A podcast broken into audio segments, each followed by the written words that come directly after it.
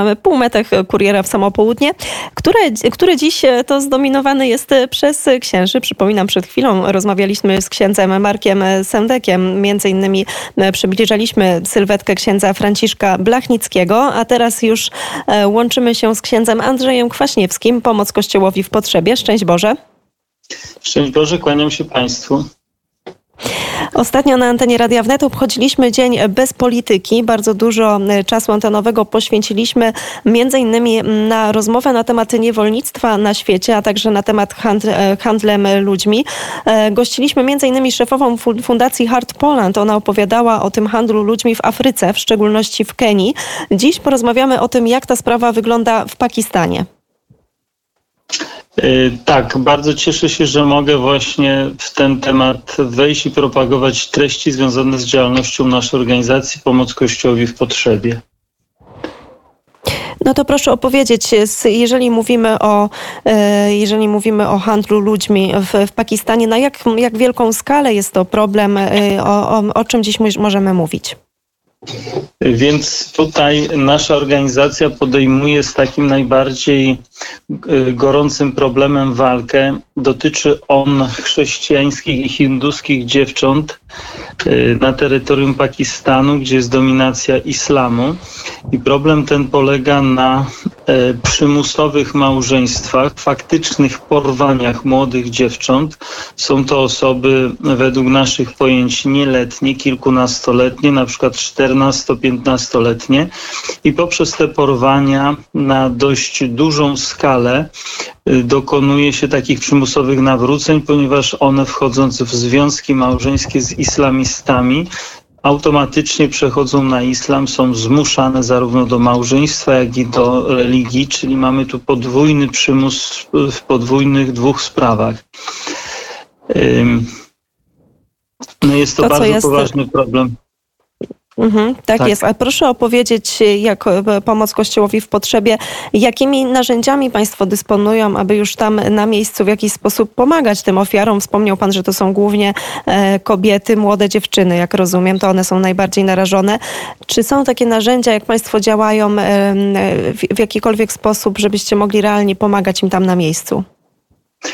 Więc planujemy w najbliższym czasie kampanię pod wpływem tych danych, jakie dotarły do nas za ubiegły rok 2020, gdzie mm, podane zostało, że około tysiąc chrześcijańskich i hinduskich dziewcząt oraz kobiet w wieku od 12 do 25 lat zostało dotkniętych tym problemem i te dane, które otrzymujemy, pochodzą od ruchu Solidarność i Pokój, który działa na terenie Pakistanu. I są to dane dotyczące tylko przypadków wykrytych, zgłoszonych.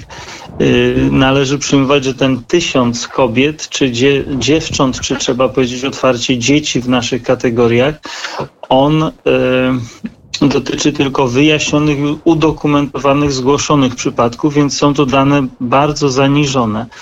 E, sposób działania, jaki planujemy, to przeprowadzenie kampanii w 2021 bieżącym roku i zapewne w następnym czasie w zależności jak kampania będzie się rozwijała i ona będzie przy współpracy Y, z pakistańską katolicką Komisją Sprawiedliwości i Pokoju. Jest to komisja, która mm, nawiązała z nami współpracę i kampania będzie polegać na nagłaśnianiu tego problemu i próbie, przeciw, i próbie przeciwdziałania. Jest to jakby początek. Najpierw muszą być informacje, nagłośnienie problemu i e, po zwróceniu się do opinii publicznej możemy rozpoznawać możliwości działania.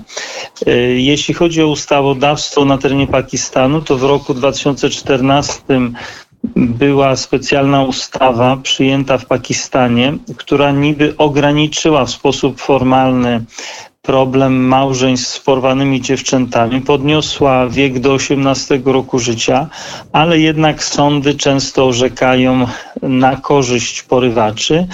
I jest taki sztandarowy przykład 14-letniej dziewczynki, trudno mówić dziewczyny, y, która mm, została uznana za zdolną biologicznie do małżeństwa. Wobec tego zarówno małżeństwo, które z, nim, z nią zawarto, jak i przejście na islam w pełni usankcjonowane zostało przez miejscowy sąd na terenie Pakistanu.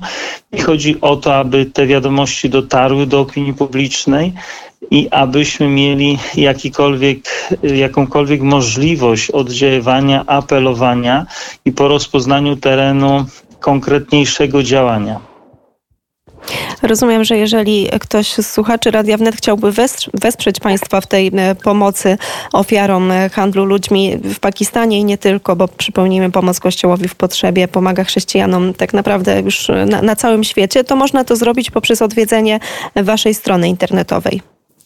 Tak, i y, przekazujemy datki na odpowiednio, odpowiedni numer konta z odpowiednim dopiskiem. Jeżeli y, wykonujemy specyfikację, wtedy mamy większą pewność, że środki trafią celowo w sposób ukierunkowany przez ofiarodawcę.